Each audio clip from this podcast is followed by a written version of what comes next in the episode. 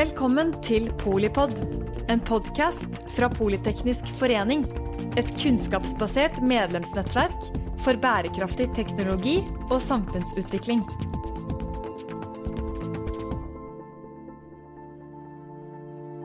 Velkommen til eh, Polipod, elefanten i rommet. Eh, Den globale økonomien er drevet av digitalisering med store selskaper som endrer samfunnet vårt. Digitale plattformer har skapt fruktbar jord og grobunn for spredning av desinformasjon, og veien dit blir kanskje bare kortere og kortere. Samtidig så bruker vi mesteparten av fritiden vår på sosiale medier uten å kanskje være klar over hvordan dette påvirker oss. Mangler vi en situasjonsforståelse? Jeg sitter her med Mathias Meyer. Han er eh, styremedlem i PFNext, som er studentnettverket vårt, eh, men er også masterstudent på UiO. Og vi har invitert Eskil Grendal Sivertsen, spesialrådgiver fra FFI, til å snakke med oss om eh, dette veldig viktige temaet. Eh, Mathias, du har jo noen erfaringer selv eh, rundt det her. Hva tenker du om det? Uh, hyggelig å bli invitert her. Om, vi, skal, vi skal jo snakke litt om, om påvirkning på nett og algoritmer og litt sånne ting.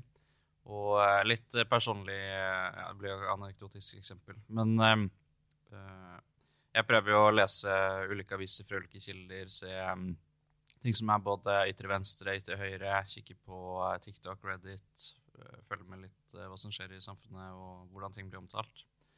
Eh, og på eh, på TikTok så opplever jeg at uh, kanskje en av 100 videoer Det høres kanskje lite ut, men når en video bare kan være noen sekunder, så går det jo, kan du se ganske mange i løpet av en sesjon.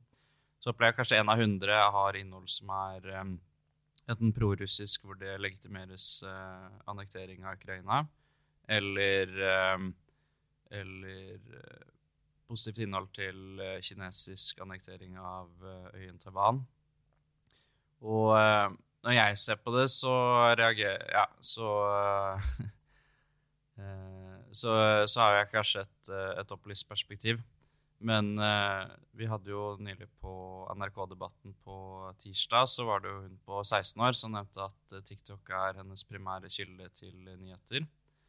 Og eh, det vil jo si da at når jeg kanskje ser på det, så er jeg kanskje litt kontrær og reflekterer litt over det. Men jeg tror det er veldig mange, særlig unge, som når man får den type innhold, eh, kanskje tar ting litt ukritisk.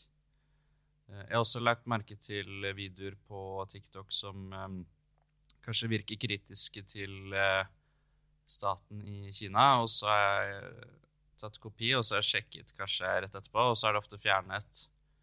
Eh, og jeg ser ofte, de videoene jeg nevnte i stad med hvor det legitimeres eh, annektering av eh, Ukraina fra russisk side. Når jeg ser i kommentarfeltene, så så jeg ingen kommentarer som stilte spørsmål til innholdet. Og det forteller meg at det sannsynligvis blir eh, slettet, at det modereres. Eh, NRK hadde jo også den reportasjen nylig hvor de lagde bruker med VPN. Altså de fikk lokasjon til å se ut som de var i Russland. Og da fikk de etter å ha sett mange tusen videoer, så fikk de kun opp én video som i det hele tatt omtalte krigen, og da var det noen som sang litt patriotisk. Mens med en de flyttet landegrenser, så fikk de helt annet innhold. Så det virker som det er eh, at disse plattformene er veldig geobestemt, og sannsynligvis eh, promoterer innhold avhengig av hvilket land du er i. Eh, Eskil, du har jo forska eh, på det her. Hva vet vi egentlig om hvilke aktører som, eh, som står bak, og hva de faktisk ønsker å oppnå? Da? Vi vet eh, en god del sånn internasjonalt. Um, eh, så vet vi for lite, etter mitt syn, om eventuelle påvirkningsforsøk mot Norge eller norske interesser. Um, I både E-tjenesten og PST peker jo spesielt på blant fremmedstatlige aktører, så er det jo Russland og Kina som er de to statene som vurderes til å ha størst sannsynlighet for å ha interesser for å, å forsøke å påvirke Norge eller norske, inter norske interesser, eller norsk politisk eller militært handlingsrom. Mm. Um, og så har du jo en rekke andre ikke-statlige aktører, uh, og det kan jo være hva som helst. Um, men uh, alt fra radikale grupper til, uh, til kommersielt drevne aktører som produserer store mengder med desinformasjon og falske nyheter, rett og slett fordi at det er mye penger å tjene på det. Um, Ja. Og så kan man jo også ha uh, norske altså, kan se for seg aktivistgrupper. altså Hvem som helst kan jo, kan jo ta i bruk ulike former for virkemidler for å, å påvirke og manipulere debatten. Uh, og så er det litt viktig å prøve å skille mellom hva, hva mener vi når vi snakker om påvirkning. Hva er uh, illegitimt, og hva er legitimt? Uh, for påvirkning i seg sjøl er jo ikke ulovlig. Nei. Det, Man har jo masse influencers der ute. Ja, ikke sant. Vi, jo, vi driver og påvirker hverandre hele tida. Um, og vi har jo kommunikasjons-, PR-, reklamebransjen er jo en egen bransje som utelukkende driver med påvirkning. Mm. Um, så i det vi ser på fra forskningsståsted, altså for å prøve å skille litt mellom hva som er hva, så skiller vi mellom um, Prøver å, å, ta det som er uh, illegitimt. Altså når vi snakker om uh, skjulte teknikker, bruk av falske kontoer, botnettverk, uh, forfalskning av nettsider eller annet innhold, eh, og at man forsøker å drive med manipulasjon og villedning og bruke den type teknikker. Eh, det er jo det vi mener når vi snakker om, om påvirkning i, i den settinga. Mm. Er det vanskelig å um, identifisere? Jeg tror de fleste av oss vil se eh, sånn, vi, vi, får jo masse desinformasjon opp i feeden vår, eh, tror jeg de fleste av oss om det handler om krigen i Ukraina eller pandemien eller klima eller andre tema som opptar folk, så er det mye desinformasjon der ute. Og så tror jeg jo mange av oss er i stand til å se det når det kommer noen ting som vi ser at dette er åpenbart eh, falskt eller, eh, eller galt. Um, jeg tror utfordringa er at vi ser bare disse dryppene. Um, fordi hvis man skal kartlegge omfanget av disse manipulasjonsteknikkene, og, og også årsaken til at du får det i feeden din, Eh, så må du ha dataverktøy og drive med stordataanalyser og nettverksanalyser og ha kompetanse til å drive en sånn type kartlegging for å se hva som er under vannoverflata. For det vi ser i feeden, er jo egentlig bare den berømte toppen av, toppen av isfjellet. Ja, ikke sant. Har dere funnet ut uh, av hvilke plattformer som er mest brukt? Det finnes jo både måte krypterte, som sikkert er veldig vanskelig å forske på, og så har du jo måte Twitter og Facebook, som kanskje er de mest åpenbare. Ja, det, i, og det er jo i kontinuerlig utvikling. Uh, fremmedstatlig påvirkning av Russland har jo vært eller er jo den som er mest kjent for å drive med det. Eh, Kina driver også omfattende bruk av det, men også Iran og en rekke andre stater gjør dette. Eh, det mest kjente eksempelet er jo dette berømte 2016-valget, presidentvalget i USA, eh, hvor det ble foretatt en omfattende kartlegging. Eh, og Da var det i stor grad eh, Facebook og Twitter og Instagram, som var hovedplattformene som, som Russland brukte. Mm. Um, og de ser vi brukes fortsatt i stort omfang i dag. Um, men i tillegg så har vi jo andre plattformer, som Mathias nevnte jo her, TikTok. Uh, vi har jo meldingstjenester som Telegram og Signal og WhatsApp. Mm. Uh, Snap.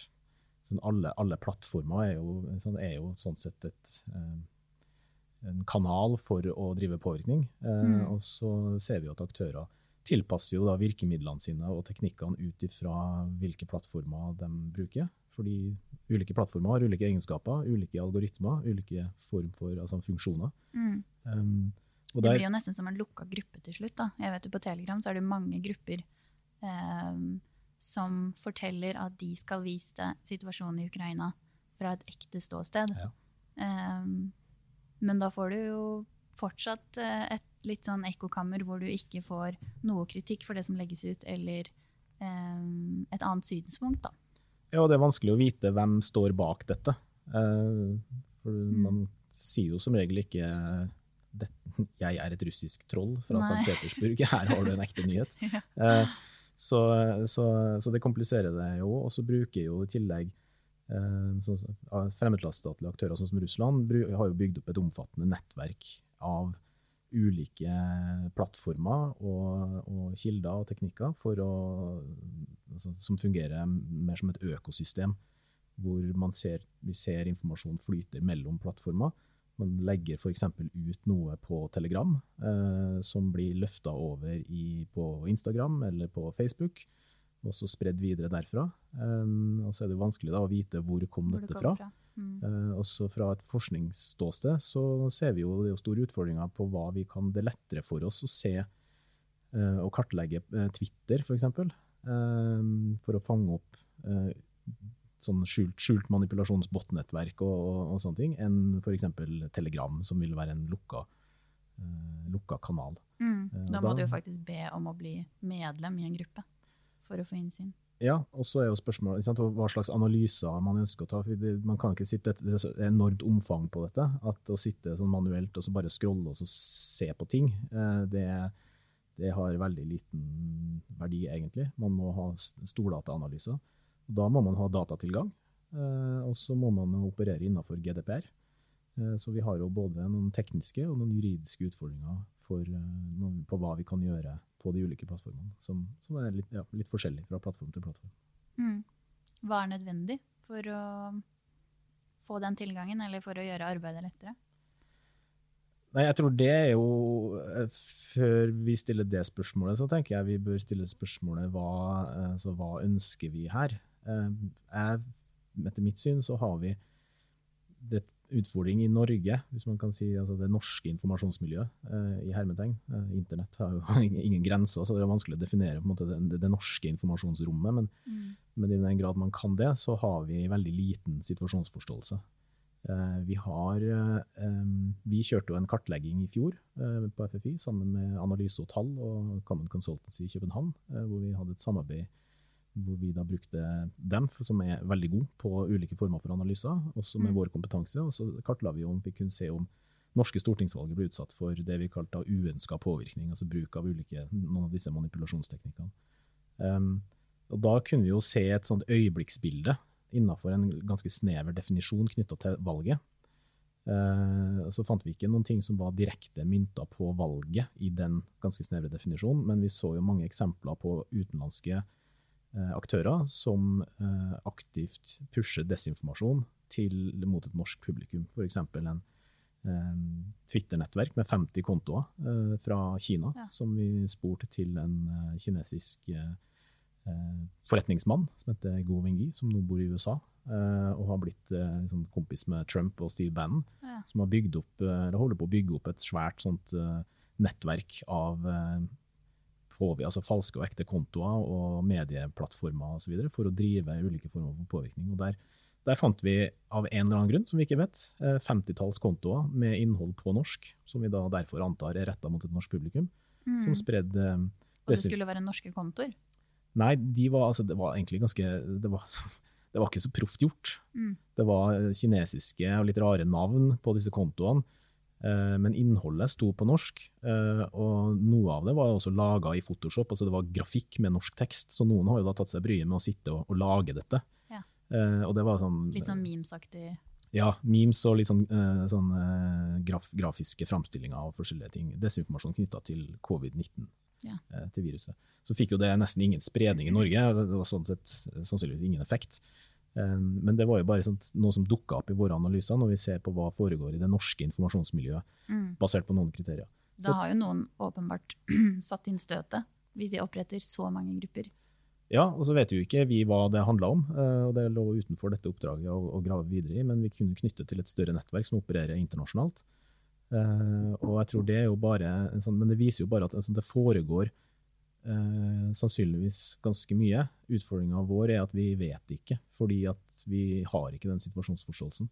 Så vi vet ikke. Jeg tror at det er nødvendig at vi eh, gjør som en del andre vestlige land eh, nå har tatt konsekvensen av dette og oppretta funksjoner som kan kartlegge aktivitet. Ikke drive med overvåking av hver og en av oss og hva vi driver med på sosiale medier, men bruke stordataanalyser for å, danne et sånn helhetsbilde av hva er normalsituasjon i informasjonsmiljøet, hva som foregår, for også da kunne detektere avvik. Da kan man se i større grad om nå kommer det en, en flom av noen nye narrativer eller noen nye fortellinger, eller nå er det et eller annet som holder på å skje, en mer, mer eller mindre aktivitet. Um, og da vil man kunne danne seg en bedre situasjon. Sverige etablerte jo f.eks. 1.1 en egen etat, um, Myndighet for psykologisk forsvar, som har som mandat frikobla fra etterretning, som har som mandat å følge med på hva som skjer i det svenske informasjonsmiljøet, og fange opp uh, forsøk på skjult påvirkning og manipulasjon. Mm. Uh, og, og um, informere befolkninga og myndighetene om hva som skjer, og gi råd om hvordan dette bør håndteres. Uh, Og Sverige oppfattes jo så mye mer måte polarisert, i hvert fall de siste årene, da, og har litt mer intern politisk konflikt enn det Norge har. Mm. Så vi har kanskje ikke blitt pusha på samme måte. Nei, Du trenger det lille pushet, faktisk, for å jeg, jeg, tror, jeg, jeg tror det er en stor del av det. Fordi når jeg, jeg snakker jo mye om dette rundt forbi, og jeg opplever stor interesse, og at det blir tatt på alvor, men, men at den interessen ikke nødvendigvis har, enda i hvert fall har blitt omsatt i noen konkrete grep for å, å gjøre noe tilsvarende i Norge. Jeg tror, jeg tror det handler om at vi er et av få land som enda ikke har kjent, vi har ikke, så vidt jeg vet i hvert fall, blitt utsatt for noen målretta hard påvirkningsinformasjonskampanje som, Mm. eh, som, som er synlig og som, som får en effekt. Det har jo Sverige blitt, Finland har blitt, eh, Storbritannia, Frankrike, Tyskland, USA. Eh, og da, da har de jo Da tatt står vi for tur. Ja, kanskje. Det, det, det vet vi jo ikke. Men jeg tenker jo det ville vært klokt å, å bygge opp en slags funksjon for å kunne få en bedre situasjonsforståelse, i hvert fall, da, for å kunne fange opp disse tingene. Mm. Eh, hva tenker du, Mathias, eh, teknologien bak alt det her, med algoritmer, og du sa jo litt det innledningsvis. Eh, har folk fått opp øynene for eh, at de kan bli negativt påvirket gjennom sosiale medier, eller skjer den utviklingen altfor fort? Jeg tror uh, Tidligere så snakket vi en del om sånn uh, ekkokamera, og at uh, hvis du likte ting på Facebook, så fikk du mer av den type innhold. Jeg tror det vi snakker om her, er jo enda mer komplisert fordi, eh, og mer avansert. Fordi at eh, når du får mer av det du kanskje er enig med og oppsøker, så kan man jo se på det som heldig at man blir utfordret og får ulike perspektiver. Men det vi snakker om her, hvor, du, hvor det er konkret innhold som blir promotert mot deg, hvor eh, det er veldig mye makt i både det du eh, Hvis du sitter på, på TikTok, så er det veldig mye makt i både det de viser deg, som jeg nevnte av de videoene, men også hva de lar være å vise deg. Og man kan jo lage sånne psykologiske profiler på folk, finne ut hva som folk trigges av. Eh, Det kan jo brukes i andre omstendigheter på et senere perspektiv. Bare sånn eh, eh, La oss si man er på, eh, på TikTok, og eh, så er det litt personvernsinnstillinger og sånn. La oss si de får tilgang på å se på ansiktsuttrykket ditt. Da kan du se hvordan du reagerer på alt individuelt innhold. Eh, det var jo eh, Det ble jo omtalt i, i Midtøsten, hvor de, man klarte på sånn bildegjenkjenning med sånn kunstig intelligens eh, analysere om folk er homofile basert på ansiktsuttrykk. Eh, ting som er, ja. Så bare sånne enkle profilbilder på sosiale medier. som viser at uh, veldig mye data som vi kanskje ikke er klare over engang, kan faktisk brukes til, eh, til å analysere ganske mye om oss. Um, ja. Og så kan man jo tenke at eh, at eh, La oss si man har eh, da er kanskje en prosent av befolkning som ja, kanskje ikke er så interessert i alt som skjer i verden og følger ikke like mye med. Da er man kanskje mer sårbar for den type påvirkning hvis det er det eneste inntrykket man får av ting. Og man kan jo tenke, la oss si med disse appene, la oss si man klarer å, å endre meningen til la oss si 10% av befolkningen på en sak. Det kan jo føre til regjeringsskifte. Så man skal ha ganske lav andel av, eh, av demografien i et land man, når det er så likt da, ved et stortingsvalg, før man kan føre til et skifte. Og hvis det er en polarisert debatt hvor mye står på spill, som kan påvirke, påvirke sikkerhetspolitiske eh, internasjonale spørsmål, så kan jo det ha ganske kjapp og direkte påvirkning. Jeg tror Mathias har et eh, veldig sentralt poeng her. fordi det, Hvis man løfter blikket litt og så ser på ok, nå vi vet at uh, stadig flere får sin informasjon fra sosiale medier. Um, og selv om vi også leser nettaviser og andre kilder, sånn, så bruker vi mye tid på sosiale medier. Og den virkelighetsoppfatninga som hver og en av oss går rundt med, er jo et resultat av den påvirkninga vi utsettes for bevisst og, eller, og i stor grad ubevisst gjennom dagen, gjennom livet.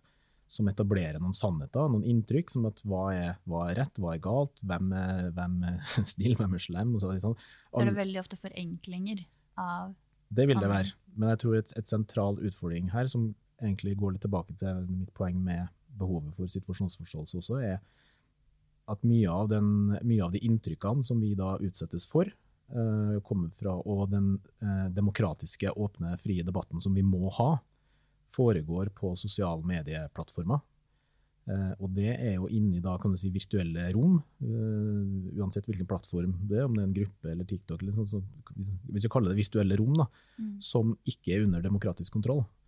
Vi er prisgitt, de eies av noen få teknologiselskaper, og hvordan de fungerer med algoritmene som Mathias snakka om, det har vi ikke innsyn i, så vi vet ikke. Vi vet noe, og så endres det, og så vet sånn, men det rommet kan jo da manipuleres uten at vi er klar over det. Og mm. da tenker jeg det bør jo være en alarmbjelle i seg sjøl, når den frie demokratiske debatten vi har, og inntrykkene vi utsettes for, foregår i et rom som ikke er underlagt demokratisk kontroll. Det blir kanskje bare verre og verre hvis man ikke finner ut av det. Um, ja, det er mange ting. Altså, det er jo flere ting som skjer her. EU kommer nå med Digital Services Act 1.1 uh, neste år. Uh, for å forsøke å, å, få litt mer regulering på plattformene. Eh, så, så, og så er det en utfordring at måten altså Plattformene er jo egentlig designa for å spre eh, De er designa for å spre mest mulig engasjerende innhold, fordi mm. skal, vi skal bruke mest mulig tid der. Det innholdet som er mest engasjerende, det er det som treffer oss i hjertet og mer enn i hodet. Um, og Derfor så er jo algoritmene også da tilpassa til å pushe det innholdet som er størst sannsynlighet for at vi bruker tid på å lese og dele og reagere på. Mm. Og Det er jo det Russland og særlig bruker, utnytter. Eh, mm. Og lager da emosjonelt provoserende, engasjerende saker, mm. eh, som, og i stor grad desinformasjon. Eh, nettopp eh, for å og, og, det blir jo da forsterka gjennom eh, hvordan algoritmene fungerer. Eh, som gjør at vi da får de inntrykkene vi sitter igjen med, eh, kan jo være veldig skeive, og også veldig forskjellige. Mm. Eh, Reuters gjorde en sånn artig greie i tror det var valget i fjor i USA, nei, 20, ja, 2021, um, hvor de satte opp uh, 2020 var det kanskje? Ja, 2020 var det um, Hvor de satte opp uh, en um, På Reuters sine sider så uh, så du at hvis du er demokrat, så ser sannsynligvis Facebook-feeden din sånn ut. Mm. Hvis du er republikaner, så ser sannsynligvis Facebook-feeden din sånn ut. Så kunne du mm. klikke og så kunne du se eksempler. Mm. Og Det er jo kanskje særlig effektivt i et så polarisert land som USA. Eh, og det blir da veldig tydelig, for da kunne du klikke inn på de to der. Nesten to forskjellige var, farger. Ja, det var to helt forskjellige verdener. Mm. Og det er klart at vi, når du da er i den verdenen, så er det den verdenen du ser. Mm. Og da blir det din virkelighet. Og da sitter vi med helt forskjellige virkeligheter. Og når vi har helt forskjellige mm. virkeligheter og helt forskjellige oppfatninger om hva som er sant, og hva som har skjedd, så, så, er det jo vanskelig å bli enige om hvordan skal vi løse politiske utfordringer. Hva er politiske utfordringer? Mm. Eh, fordi vi har helt forskjellige syn på, altså bilder på hva som er virkelig. Ja. Eh, og det er jo en av flere sånne effekter vi får av hvordan algoritmene fungerer, og at vi bruker såpass mye tid på sosiale medier. Mm. Hvor mye av dette ligger under på en måte Det er et veldig stort begrep, da, men digital krigføring. Eh, da tenker man jo ofte mye sånn geopolitisk påvirkningsarbeid, men eh, kan man se også på det i eh, de små rommene, på en måte, da, de små digitale plattformene? Kan det starte allerede der? Og kan man kalle det digital krigføring? Ja, det er jo veldig, det er veldig mange begreper på, på dette. Digital krigføring eller informasjonskrig eller mm. psykologiske operasjoner, som er for så vidt et militær gren som vi men eh, kognitiv krigføring er jo nå et begrep som, eh, mm. som, blir mer brukt, og Nato holder nå på å utrede også hva, hva, hva, består det i, hvordan kan vi fylle det med mening. Mm. Um, vi ser at uh, altså stater utnytter jo sos hvordan sosiale medier fungerer, og hvordan menneskesinnet fungerer, mm. uh, for å skape ønska effekter. Uh, og du vil se det ble, nylig nå så ble det jo, hva tror jeg forrige uke, så ble det jo kartlagt den største russiske påvirkningsoperasjonen siden Ukraina-krigen brøt ut for fullt i 24.2. Eh, mm. Eh, Starta jo i 2014, som jeg tror mange av og til glemmer. Mm. Um, og der, der ble det jo kartlagt. Der, der ble det brukt de eh, laga falske versjoner av eh, ca. 60 forskjellige etablerte eh, nettsider. Altså eh, The Guardian, The Spiegel i Tyskland, altså etablerte nettsider, som de hadde eh, spoofa, rett og slett, med en liten endring i, i nettadressen. Ja. Så, hvor de da pusha falsk informasjon.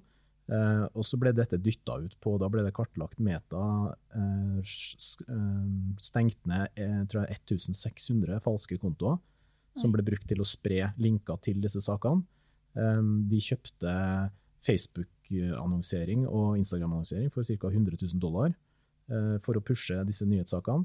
Uh, og da kommer de jo inn i nyhetsfeeden din som annonser. Det, sånn, det, er ikke så lett å se at dette er Nei, falskt. Det er jo ikke lett å se. Um, og så så man at sånn som i Frankrike, for eksempel, så mm, var det mellom 1,5 og 1,7 millioner mennesker som ble eksponert for disse.